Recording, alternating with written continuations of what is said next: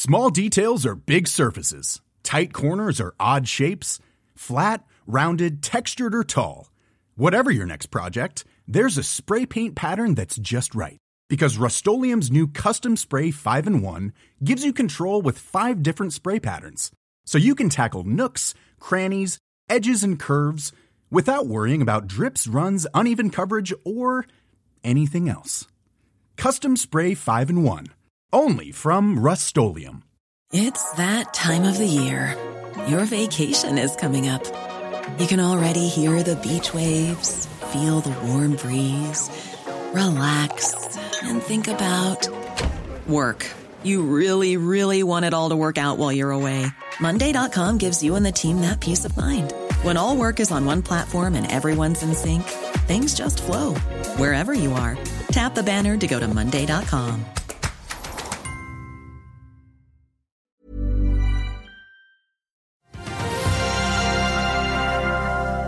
REC sier de holder stø kurs for åpningen av Moses Lake, men vet vi egentlig hva regningen blir? Nordic Mining har solgt unna andre del av produksjonen sin og har solgt unna alt de første fem årene og tar SAS en finner. Det er mandag 16. januar. Velkommen til Børsmorgen.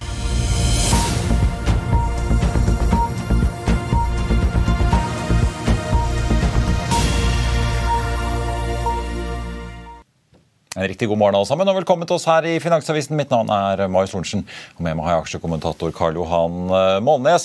Det er eh, Martin Luther King-dag i dag. Det betyr at Wall Street tar seg en liten pust i bakken, men vi kan jo titte litt på hvordan det gikk på fredag. Nasdaq endte opp 0,7% etterfulgt av SMP 500, som endte opp 0,4, og Dow Jones like bak med 0,3. I dag i morgentimene så har vi sett at de kinesiske aksjeindeksen har tikket oppover egentlig jevnt over, og har dermed fått en ganske pen start på året.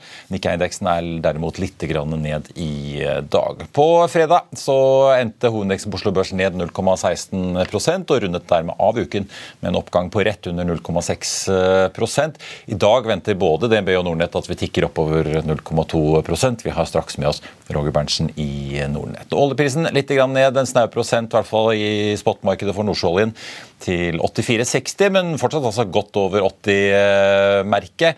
Den amerikanske lettoljen er ned 1,2% til 79,30. Noen nyheter det er verdt å få med seg på morgenen. Nordic Mining melder at de har inngått en avtale om salg av all granatproduksjonen fra gruveprosjektet Engebø i de første fem årene av gruvens produksjon. Det kommer da på toppen av tidligere avtaler hvor de også da har solgt unna all rutilproduksjonen fra gruven, også da i de første fem årene. Og Ifølge Nordic Mining er det totalt om minst, snakk om totalt minst 762 500 tonn granat da i de første fem årene. Og Prisen er også fastsatt og avtalt på forhånd mellom partene. Kjøperen er ikke navngitt. Nordic Mining peker på at dette reduserer risikoen i prosjektet betydelig, og som vi snakket om her i forrige uke sammen med Clarksons plateanalytiker Bendik Follen Nyttingnes, som for øvrig da har en kjøpsanbefaling på aksjen, så trengs det fortsatt da en emisjon i Nordic Mining for å få den siste brikken i finansieringspakken på plass, noe også ledelsen selv har eh, vært ganske klare på. Og Nyttingnes mente at vi vil se den da innen utgangen av mars, denne emisjonen, grunnet av avtalevilkårene i den resterende finansieringen. Konsernsjef Ivar Fossum har selv sagt at eh, selskapet trenger 65 millioner dollar for å fullføre finansieringspakken på drøye 250. Oppdrettsgiganten Movi er ute med oppdateringen sin for fjerde kvartal. De melder om et operasjonelt driftsresultat på om lag 239 millioner euro. Ifølge estimater innhentet av Infront var det på forhånd ventet 230. Slaktevolumet endte på 130 500 tonn i kvartalet. Litt mer enn de 127 000 som var ventet, også over guidingen på 126 900 tonn. Da får vi også ta med at det har eh, blitt annonsert et gassfunn i Middelhavet. Eni og Chevron annonserte da i går at de har gjort det de beskriver som et betydelig gassfunn utenfor kysten av Egypt, i den første av flere lettebrønner i området. Ifølge Eni så er det også funnet eh, gass da i nærheten av eksisterende infrastruktur. Vi har jo tidligere sett eh, bl.a. Exxon gjøre funn i nærheten av Kypros i Middelhavet. Og så har jo da også Libanon og Israel inngått en delelinjeavtale, slik vi inngikk med noen år siden da, med med russerne. Bergen Carbon Solutions melder at eh, deres nye sjef Odd Strømsnes har sin første dag på jobb, så vi får jo gratulere han, eh, Karl Johan. God morgen. Men vi skal snakke om eh, ikke Bergen Carbon Solutions, men Rex Silicon, som vi jo har fulgt med på lenge. Du har jo lest gjennom eh, kapitalmarkedsmaterialet til storaksjonær Handel, ja, og hørt på. som da rekker ute med sin egen børsmelding. Ja, det, det, er vel mer etter at vi skrev at vi regnet med at det kunne komme en ganske så grisete emisjon her, fordi at han var ikke nevnt noe om Rex Silicon. Og det er klart, Rex Silicon er jo som et startup. De skal jo både refinansiere en obligasjon på 110 millioner dollar som eh, forfaller 13.4, det er jo rett etter påske. Og så skal de ha penger til å starte opp igjen fabrikken, så 150 millioner dollar. Så de trenger jo like mye penger som resten av Hanva trenger for resten av verdikjeden. Og det hele for å få kontrakter på solparker, hvor Hanva da sier at eh, all veksten kommer i utility scale. Og det betyr at hver eneste cent betyr noe. Så her eh, kreves det veldig mye penger. Og jeg tror det at han var all grunn til å være forbanna på amerikanske myndigheter, fordi at de har ikke gitt stabile rammebetingelser. Så hvis man klager over stabile rammebetingelser i Norge, så er det også mangel på tilsvarende i USA. Fordi at de innførte jo først tollbarrierer, og så så de at det ikke gikk. Og så måtte de løfte de midlertidig i uh, to år. Og nå er vi halvveis gjennom den perioden, så det er veldig vanskelig å ta en beslutning for han var på eh, Rex Silicon, eh, oppstart av polysilisium, når du vet at eh, Kina totalt dominerer markedet. Og Det er disse forskjellen på sol og hydrogen og, mange, og vind. Altså Når vind satser, så vet du at Vestas er markedsledende, og du vet at det er teknologisk drevet. Mens på sol da, så det er rett og slett bare kapital og energi. Det er kapitalintensivt. og Det er Kina som er markedsledende. Så de, jeg tror det, også I tillegg, da, det er bare én måte å skape ro om Rex Silicon på, det er hvis han var tatt av børs.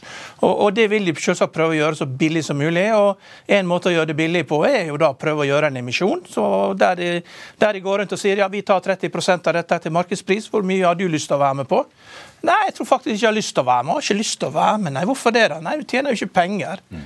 Eh, så det er, Dette her er ikke så lett. Altså det, det, eneste som er positivt i dette, her er jo norske retail-investorer. og De virker jo som at eh, de driver kafeen utenfor butikken, altså utenfor fabrikken, og barn utenfor fabrikken. og at Det er du liksom, det er mer det sosiale aspektet enn avkastningen. For avkastningsmessig så er Rex Silicon helt katastrofe. altså så Det er jo, det er jo sånn, eh, det eneste bra med dette er at disse folkene ikke blir lurt av å kjøpe Nigeria-brev. altså. Ja. Det, det, for det er nivået på dette her.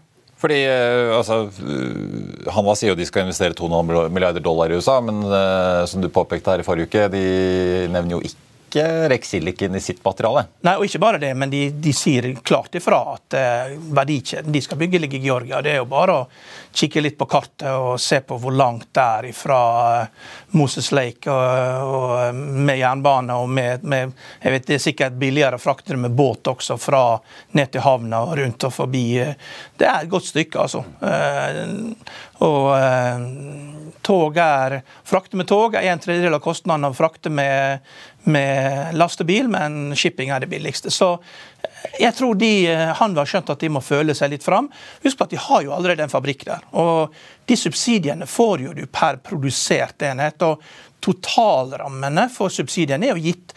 Så det er jo ikke sikkert. Kan ikke, alle kan ikke sette seg ned og regne på hvor mye kapasitet du skal ha her nå, så skal du automatisk få disse pengene. Og de hadde jo regna med å få inn 875 millioner dollar i, i subsidier på de 2,5 milliarder dollarene de skal investere. Det, det er klart, all, Hvis alle gjør sånne regnestykker, da, så må du se på totalen også. Det er jo bare en totalsum her, og det skal jo fordeles ut fra totalen. USA er et, eh, Du skal være veldig godt forberedt når du kommer til USA. og Hvis ikke, så er advokaten der, og du blir skrella. altså. Og, og, det virker som Rex Silicon de leker butikk. altså. Og det går ikke med så mye penger. Vi venter i hvert fall på ja, noen ja. klare tall på hva de De har jo kommet jo i fjor med noen estimater på hva det skal koste å gjenåpne fabrikken, men vi venter jo på en oppdatering ja, på hvordan de skal finansiere dette her, for det har vi ennå ikke hørt. Det er akkurat det samme som å prøve å forhandle en langsiktig strømavtale. ikke sant? Du har noen som har veldig lave kostnader, som du konkurrerer med, og du klarer ikke å bestemme deg. Altså de, Hanva vil ha markedspris, og Rex Silicon de må ha en pris du kan leve med, og disse to tingene går ikke opp. Og når det ikke går opp, så er det beste da det er å utsette fabrikkåpninger. Iallfall ett år til, til du ser utfallet av de midlertidige tollrestriksjonene. Så det er mitt beste bet, at man prøver å få en ordning med obligasjonseieren. At man forlenger lånet ett år til, og man da får en viss sikkerhet for dette. her, at Man kanskje kan feilselge en fabrikk. Men jeg tror det blir veldig vanskelig å hente inn de 250 millioner dollarene selskapet trenger, til en fornuftig pris. Og hvis de henter det inn, da, så blir emisjonskursen så lav at det er en grisete emisjon. Vi skal følge med, Karl-Han. Vi skal uh, snakke fly med Hans Jørgen Elnes uh, om uh, litt, men vi må ta inn Roger Berntsen fra Nordnett for å titte litt på hva som egentlig kom ut av de store bankene på Wall Street på fredag. Han er med oss straks. Hovedindeksen på Oslo Børs ned, var litt i grønt fra starten, nå er den ned 0,1% Ser vi på Nordic Mining, da, som er ute med denne avtalen om at de har solgt unna den resterende delen av produksjonen sin, får vi si på da Granat de første fem årene, opp hele 15,5% fra start. Eh, Movi, som er ute med sin oppdatering for fjerde kvartal, opp 0,9 Rex Silicon, som vi snakket om, opp 1,9 Fortsatt da får vi si med en eh, rød hovedindeks. Vi er straks tilbake rett etter dette. Vil du bli oppdatert på det viktigste som har skjedd innen finans og næringsliv? Da er det bare å følge med, for hver morgen er jeg, Marius Lorentzen og aksjekommentator Karl Johan Malnes på plass i studio for å ta tempen på dagens marked i Børsmorgen. Og hver ettermiddag oppsummerer vi alt du trenger å vite i økonominyhetene, og det blir selvfølgelig masse interessante gjester.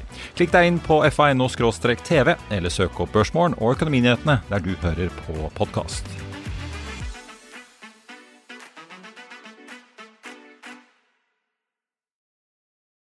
Da har vi fått med oss eh, Roger Berntsen, analytiker i eh, Nordnett. God morgen, eh, Roger.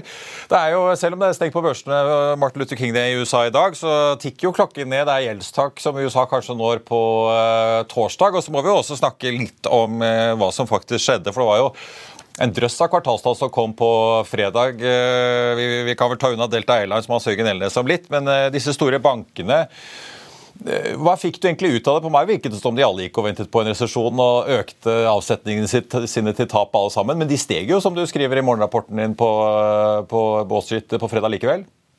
Ja, absolutt. Det er jo viktig å se litt bakover tiden. Altså, alt har jo handlet om inflasjonen frem til nå. For nå, nå vil alt handle om kvartalstallene fra fjerde kvartal. og De store bankene i USA de sparka jo i gang den sesongen på fredag. Og det ble jo godt mottatt. Ikke umiddelbart. Eh, og det er jo fordi at eh, disse bankene har jo i flere kvartaler varsla eller forberedt seg på veldig dårlige tider. Det er jo det som har vært den store frykten i markedet med at vi faktisk får en resesjon i amerikansk økonomi og som vil smitte over på, på, på verdensøkonomi nå. Og så har det jo skjedd masse det siste, spesielt siden, jeg vil si, siden desember, tidlig desember, når kinesiske myndigheter omsider de ga etter for press fra publikum om å gjenåpne verdensøkonomien, eller ikke verdensøkonomien, gjenåpne eh, eh, kinesisk økonomi, som kan eh, smitte over og hjelpe verdensøkonomien også. Ja, for det, hva, kan vi, kan vi, hva kan vi lese ut av dette? her Når Brian Moynihan i Bank for America sier de forventer en mild resesjon, det samme omtrent sa vel uh, Jamie Dimon. Uh, skal vi tolke det som det ikke blir så ille som man har fryktet, eller? Ja, definitivt. For dette, den Station retorikk har vært litt strammere tidligere. Sånn at dette tror jeg kommer overraskende på, eh, på de fleste. Og det er jo ingen som har mer følere ute for ståa i økonomien enn eh, bankene. Sånn at Så lenge bankene klarer seg, så vil jo det være godt nytt for alle. For det er jo en pekepinn på hvordan ståa egentlig er. Og så er det òg viktig å presisere for mitt vedkommende, som jeg prøver å nevne jevnt, og trutt når jeg er i sendingen sånn som her, det er jo det at inflasjonsforventninger på lengre sikt altså Nå er de nede under 2,2 på tiårssikt i USA. Vi må tilbake til før krigen, uh, uh, invasjon, uh, Russlands invasjon av Ukraina, for å finne tilsvarende. Og husk, Hvis dere husker tilbake hva Fed gjorde av strategiendringer tilbake i 2018-2019, så gikk det på det at de så for seg å kunne holde en høyere inflasjon enn det som har vært tidligere i sitt mandat, på 2 Så, så nok en gang jeg vil bare gjenta at det, det ser ikke så galt ut for de som løfter blikket litt lenger fram i tid. Du, denne, du, har også pekt på de siste dagene egentlig hvor bra det har gått i Asia, særlig de kinesiske børsene på starten av året. Er det bare gjenåpningseffekten, eller hvordan tolker du den ganske kraftige oppgangen vi har sett flere enkeltdager her? Det er jo på tide at de kinesiske børsene leder an. Nå har jo de fått litt på pukkelen fordi det har vært ekstreme eh, eh, regulatoriske endringer, spesielt for tech-selskapene, som selvfølgelig har tynga eh, disse største aksjene nå. Det kan være at vi er over altså over det verste nå. Og, eh, og da så vi jo spesielt det med, med i Hang Seng er vel opp rundt 10 bare i år. Men de steg jo òg nokså bra i desember måned. Så det vil ikke overraske meg om at den trenden fortsetter i 2023, og at uh, asiatiske børser kan bli, bli vinnerregionen i, uh, i år. Fra noen som går opp, eh, Karl Vi må nesten innom eh, Tesla. for eh, de, ja, nå, jeg, vet du, jeg, vet ikke om du fikk det deg det, Roger, men i helgen så hadde våre kollegaer Marius Mørk Larsen og Håkon Sæbø på Geilo av alle steder, ja, ja. så slengte de ut en bonusepisode av Mil etter mil-podkasten sin med disse vanvittige priskuttene som vi, vi, Tesla vi hadde, har smelt inn nå på nyåret. som Vi, vi hadde jo en kommentar uke. på Tesla for litt over en uke siden der vi konstaterte at de hadde jo økt prisen med 17% gjennom pandemien. Ja. Og eh, vi vet jo det at nedgangskonjunkturen finner sin bunn, og bilprisene og husprisene bunner. Det er koordinert. Og Vi har alle gått og venta på at bilprisen skulle falle. Og, Tesla er jo bilforhandler også. De er ikke bare bilprodusent. Og de bare rett og slett erklærer da pris rett ned i USA. Ja, I det norske markedet er vel snakk om 100 000 kroner ja, men i, på enkelte I USA får det enda større effekt, ja. større effekt fordi du også kvalifiserer til tax credits. da. Så du får full priskrig. Eh, og eh, hva var det modell Y av billigste 399 kroner. Det er klart det får effekt, men eh, detaljene rundt det får du på den mil etter mil. Men det viktigste er at dette her er en del av konjunkturforløpet. Dette her er nå skal du ha klarering i bilmarkedet. Det er overkapasitet på biler. Carvana er allerede nesten konk. Dette her som selger, omtrent, selger biler fra dispenser, sånne fem-seks etasjer, sånn, tårndispenser rett ved veien. Og har jo liksom kursen gått fra 300 kroner til 1,5. Men Carmax og alle de andre også. Og, og, og, dette setter jo virkelig pris på General Motors og Ford og alle andre bilprodusenter, fordi at Tesla tar markedsandel. Så Tesla blir da stadig mer altså Det går fra å være et smykke av en bil som står parkert i, i oppgangen i California, til at det, det blir mer en bruksbil à la en uh, Toyota Camry. altså du, tar, du, går inn i bruksbilmarkedet for pendlere. at du, ja, for Biler i USA har aldri vært noe spesielt dyrt. og uh, ja, nå blir det liksom Biler i USA når de er fem år, er veldig gamle. Ja ja, ja men bruker de, de kjører jo mye, da. Ja, ja. Logger mil. Nei, altså, det er, dette er første del. ikke sant? Svenskene har et veldig godt, godt, uttrykk som heter 'som et brev på posten'. Så dette er liksom steg én. Så må du ha det samme på hus. Så kommer vi en dag på jobb, og så er også børsen ned med 20 og, og, og, og, så sier alle da at ja, men hvordan kunne vi se dette? Jo, det følger samme mønsteret. Så nå vi skal gjennom en tøff periode. Roger, det at noen kutter prisene er vel sjelden et tegn på at salget går for bra, vil jeg tro. Eh, men veldig mange norske investorer følger, har jo fulgt Tesla-aksjen, som jo falt en 70% her i fjor. Og så kutter de altså prisene såpass mye. Det er jo, eh, virker som det er ganske store ting på gang på kammerset. Ja, dere har jo ikke lest eh, aksjeskolen til meg og Alex Rosén, for der dveler vi jo da både med Tesla, prisinga og sammenligna bl.a. med Amazon. Uh, husk på dette, Pris er én ting, men verdi er en annen ting. Altså, verdien til Tesla den bygges hver bil i dag. og Du snakker om at det er konjunktursykler. Nei, det er ikke det. Her er det snakk om at hvor skal Tesla konkurrere? Og det er helt riktig som dere er inne på. Det er jo mot Toyota, de store massemarkedene. Da ville ikke jeg vært uh, uh, senest ut i, i, i denne her elbilløypa. For dette, da, da, møter du et monster, tror jeg, da, av, av Tesla. Så, så fra et strategisk ståsted, hvordan du styrer Tesla utvikler, så, så følger Dette ABC, etter, i, i alle fall i, i, i mitt hode. Ja, men, men, Toyota har jo sagt det at eh, vi kan ikke satse på elbiler. Altså vi, vi, I Japan vi kan ikke ha elbiler. Hvis alle skal plugge i dette, så ryker strømnettet. Så elbiler det blir, for, eh, et, det blir en luksusbil for rike folk, sånn som nordmenn. Eh, og en del andre, men alle kan ikke ha elbil. Det går ikke. Det er, det er ikke strøm nok til det.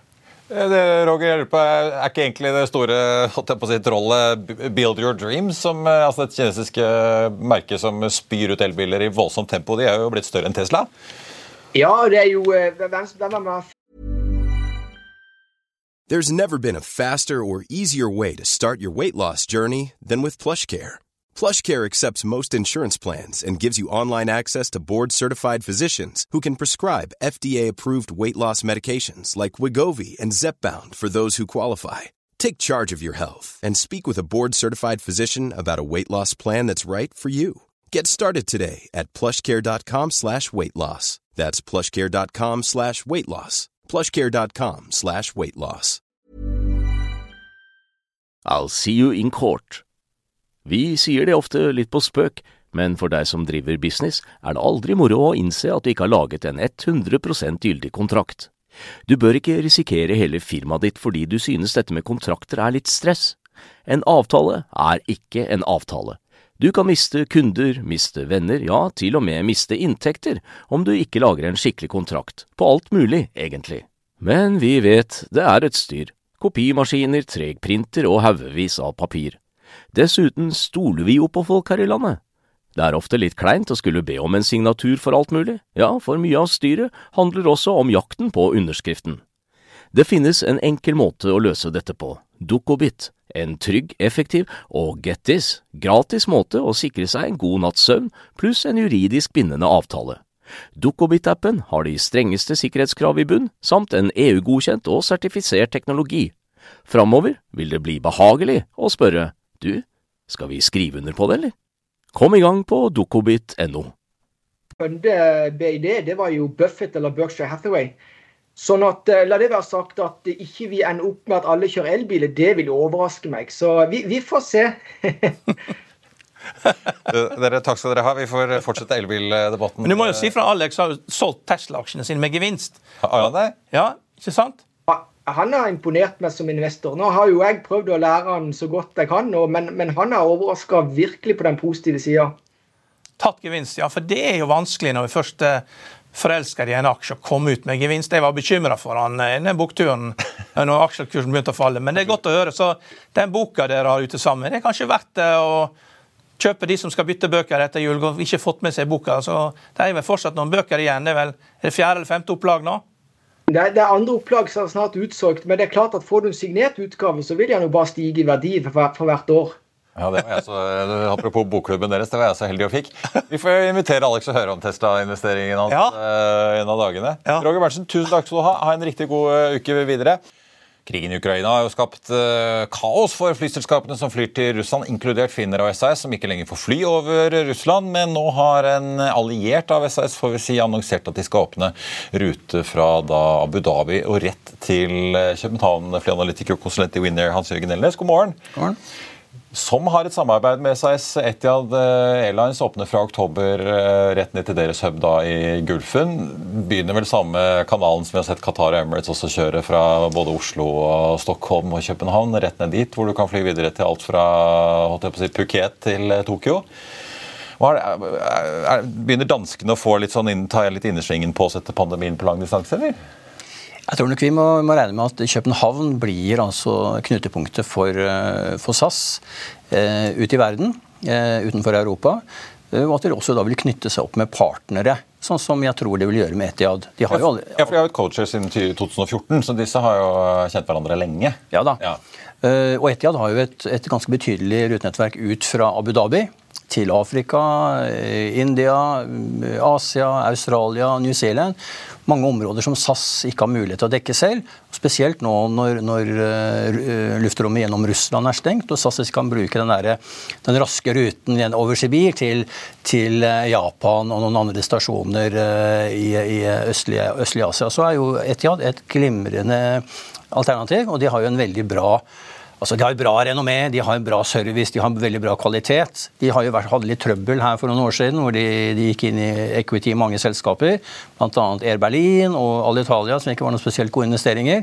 Så nå har de trukket seg ut av det, så de driver mest den type samarbeid sånn one-to-one eh, kommersielt med, som de kan komme til å få med SAS nå. da. Jeg så Bransjenettstedet Check-in eh, nede i Danmark skrev at altså, nå har Air India annonsert rute til Delhi. SAS skal åpne New York JFK fra København. Og så er Air Canada med rute til Montreal, så kommer eh, Etiad inn. Eh, selv om man fortsatt ligger under 2019-nivå på trafikken, så ja, Vi har jo Norse Atlantic til, og for så vidt SAS da, til New York fra Oslo, men det er ikke så veldig mye med det, virker det sånn? Nei, det er ikke det. Du kan, si, ja. du kan si at uh, det vi må akseptere sånn etter pandemien, er at man, har, man, reiser litt mindre nå enn man gjorde i 2019. Og langdistanse er det, er det markedet som, som er hengslengt etter.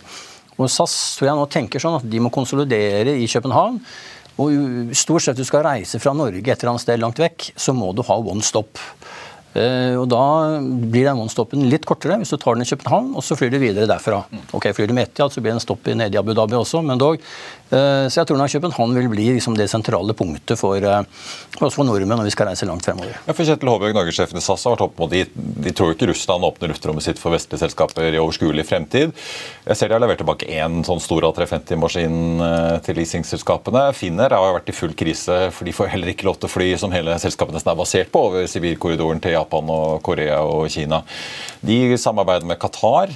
Er det, er det liksom Etiad som blir redningen for SAS til Asia? For de må jo fly hele omveien uh, sør for Russland? da? Ja, altså, jeg, jeg, tror det kanskje kan bli noe sånt tilsvarende som, som Qatar gjør da med, med finner. Det er sånn Finner har kjempetrøbbel, for de får jo heller ikke fly gjennom, gjennom uh, Russland og Sibirkorridoren.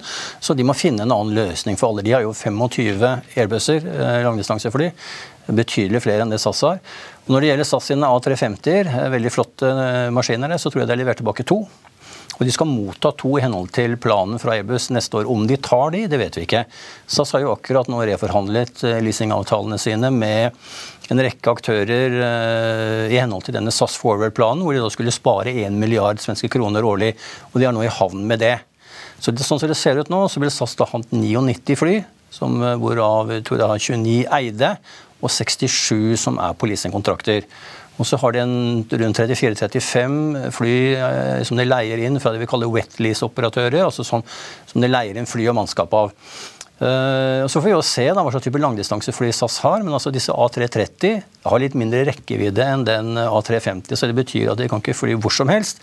Derfor er et sånt samarbeid med, med, med Etiad veldig viktig og ta opp konkurransen med, med Finner og, og, Qatar og Emirates og Turkish. Nå står, ligger jo SAS midt i denne Chapter 11-restruktureringen. Eh, på den meldingen hvor de kom med disse leasing-oppdateringene her i forrige uke, så sa de også at eh, de har ikke innfridd alle vilkårene. Så de har ennå ikke fått, som de hadde trodd eh, i løpet av perioden av november nå til januar, tilgang på andre runde i denne finansieringspakken sin på 700 millioner. Så det er jo da 350 millioner dollar som står låst hos Apollo fortsatt. De sier likviditeten er grei, men eh, er dette et tegn på at ting drar ut i tid for SR, sånn at hele den restruktureringen eh, kanskje ikke bare tar lengre tid, men også blir litt dyrere enn de trodde? At, at, den tar lengre tid, det vet vi. At den blir dyrere, det tror jeg er følger av at den tar lengre tid. Men, men eh, altså, Apollo, det amerikanske investeringsfondet, de har knalltøffe betingelser for disse totalt 700 millioner dollarene, DIP-lånet, Debit Imposition-type brolån. Og det SAS må gjøre nå, det er at de må forhandle frem en avtale med kabinforeningene i Danmark og i Sverige. Det er en del av kravene at man skal ha nye typer kollektivavtaler som er da mer gunstige for, for selskapet, for at uh, Apollo skal frigi disse uh, transje 2, disse 350 millioner dollarene. Jeg tror ikke SAS trenger de akkurat i morgen, men de trenger de her i løpet av en viss tid for å sørge for at de har tilstrekkelig likviditet og føler seg komfortabel med det. Du, ledet en eh, paneldebatt her på hva det heter, Travel Awards uh, i forrige uke med da, sjefen i Flyr og Norwegian og norgessjefen i SAS og i, også kommersielle direktør i Widerøe. var det? Ja.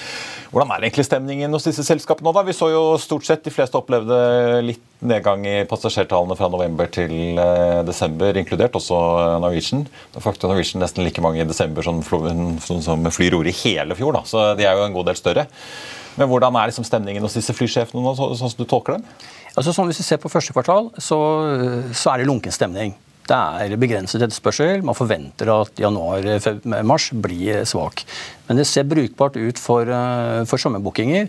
Det begynner å tikke inn mye flere bookinger nå.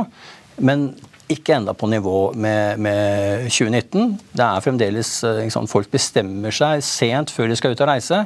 Eh, og Så får man se på liksom hvor blir en fordeling med det å reise innenlands i Norge og det å reise på ferie til eh, varme strøk. Men altså, jeg tror nok at veldig mange velger å reise på sydenferie i sommer også, så man er positiv til, til det. Og Vi snakket også om eh, si, konkurransesituasjonen i Norge. Hvordan er selskapene skrudd sammen? Ja, man, De er vel enige om at det er for mye kapasitet i markedet i, i Norge. Norwegian var tydelig på at de ikke får levert alle de 15 maksene som de har bestilt. Så jeg tror de får en syv-åtte stykker, var det Geir Karlsen mente. Så da mangler de altså syv-åtte maskiner. Så får vi jo se hva de gjør i sommer med det, men jeg tror at de må lease inn, altså leie inn eh, sånn som de gjorde tidligere, for å få ta denne kapasiteten som de, de trenger. Hvis de må det, så vet vi at det koster, det er ikke gratis. Nei, Det markedet har jo gått rett i taket. Det, de får seg veldig godt betalt, så han hadde jo egentlig ikke lyst til å gjøre det. Men, får, men han får han ikke disse fra Boeing, så får vi se om de får en kompensasjon fra Boeing for at de ikke leverer disse maskinene i tide. Du, du, du, har jo vært markedssjef for hele Norden. så eh, vi, vi, forstår jo det at SAS vil kunne tilby det danske næringslivet gunstige eh, flyvninger ut fra København. Men hva gjør investorselskapene nå? Eriksson, Sandvik, eh, Atlas Copco, disse her store globale selskaper.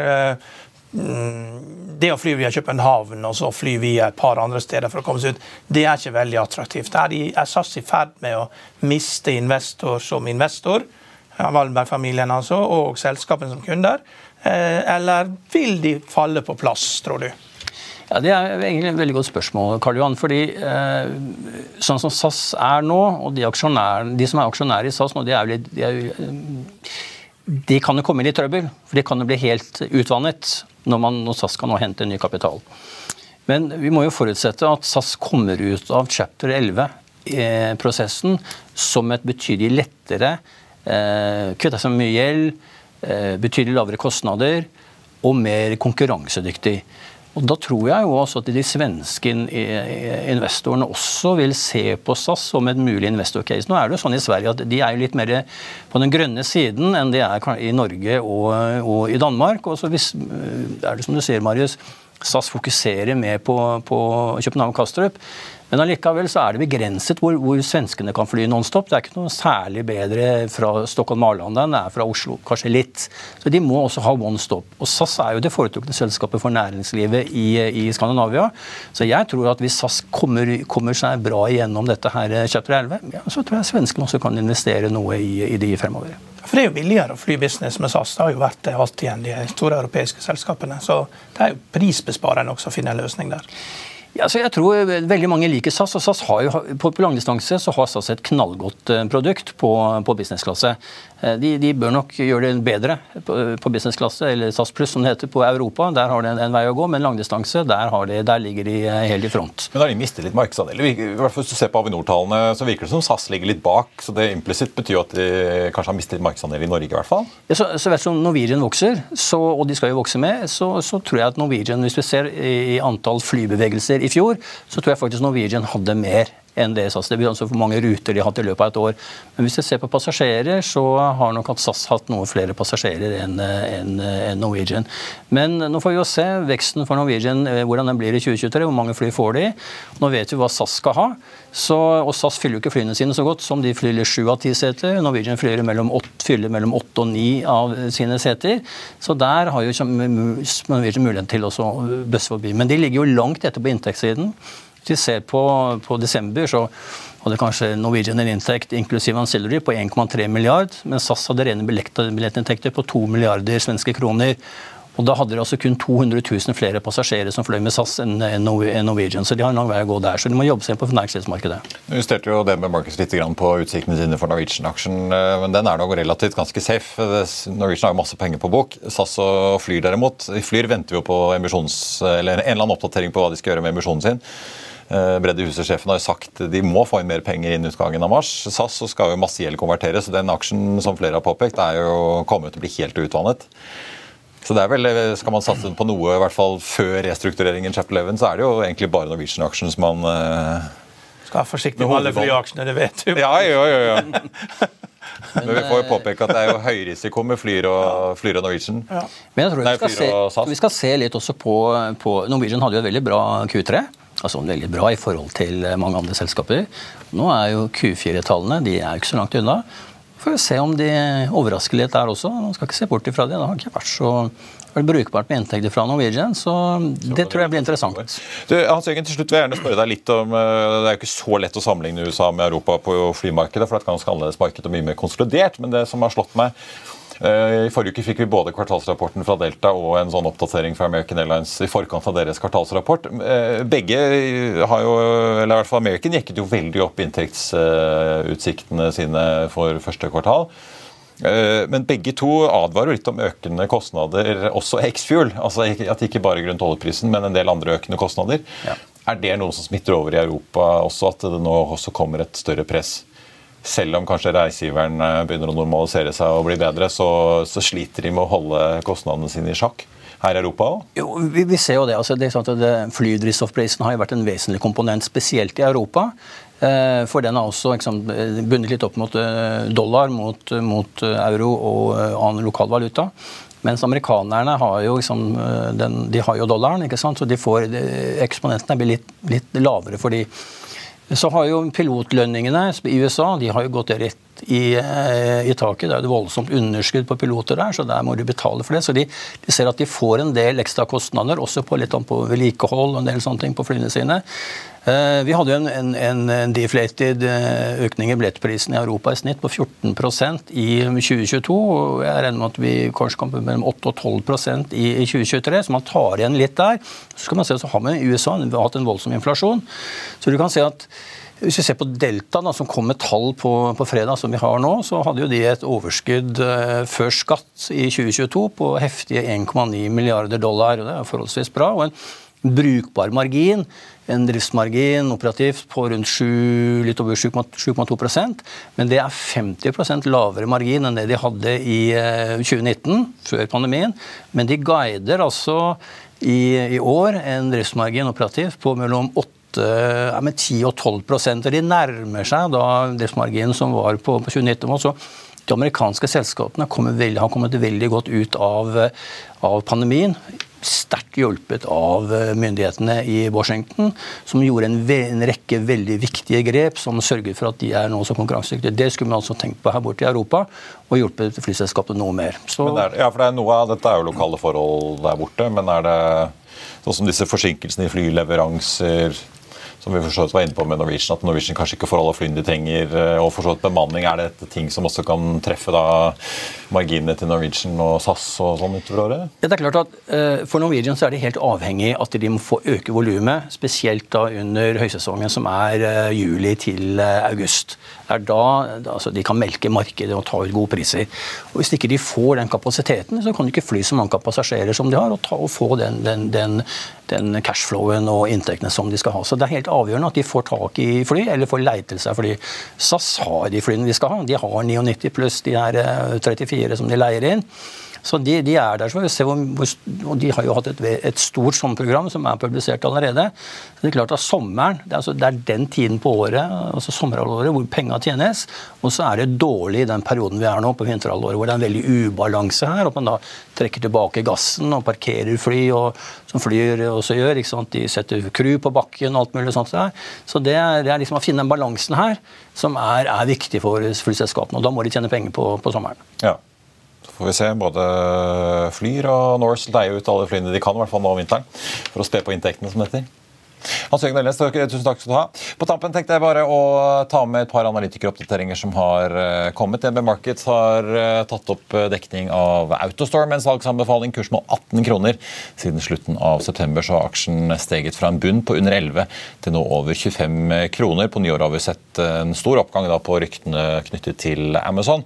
Innsideporteføljen i FA, der tar vi nå inn Adevinta for øvrig. Utgår MPC Containerskip. Så det var børsmålet for denne mandag 16. januar. Husk å få med økonomien nyhetene klokken 14.30. Da er Trygve Hegnar med oss. I mellomtiden så får du siste nytt på FA1 gjennom hele dagen. Ha en fin bursdag alle sammen. Vi ses.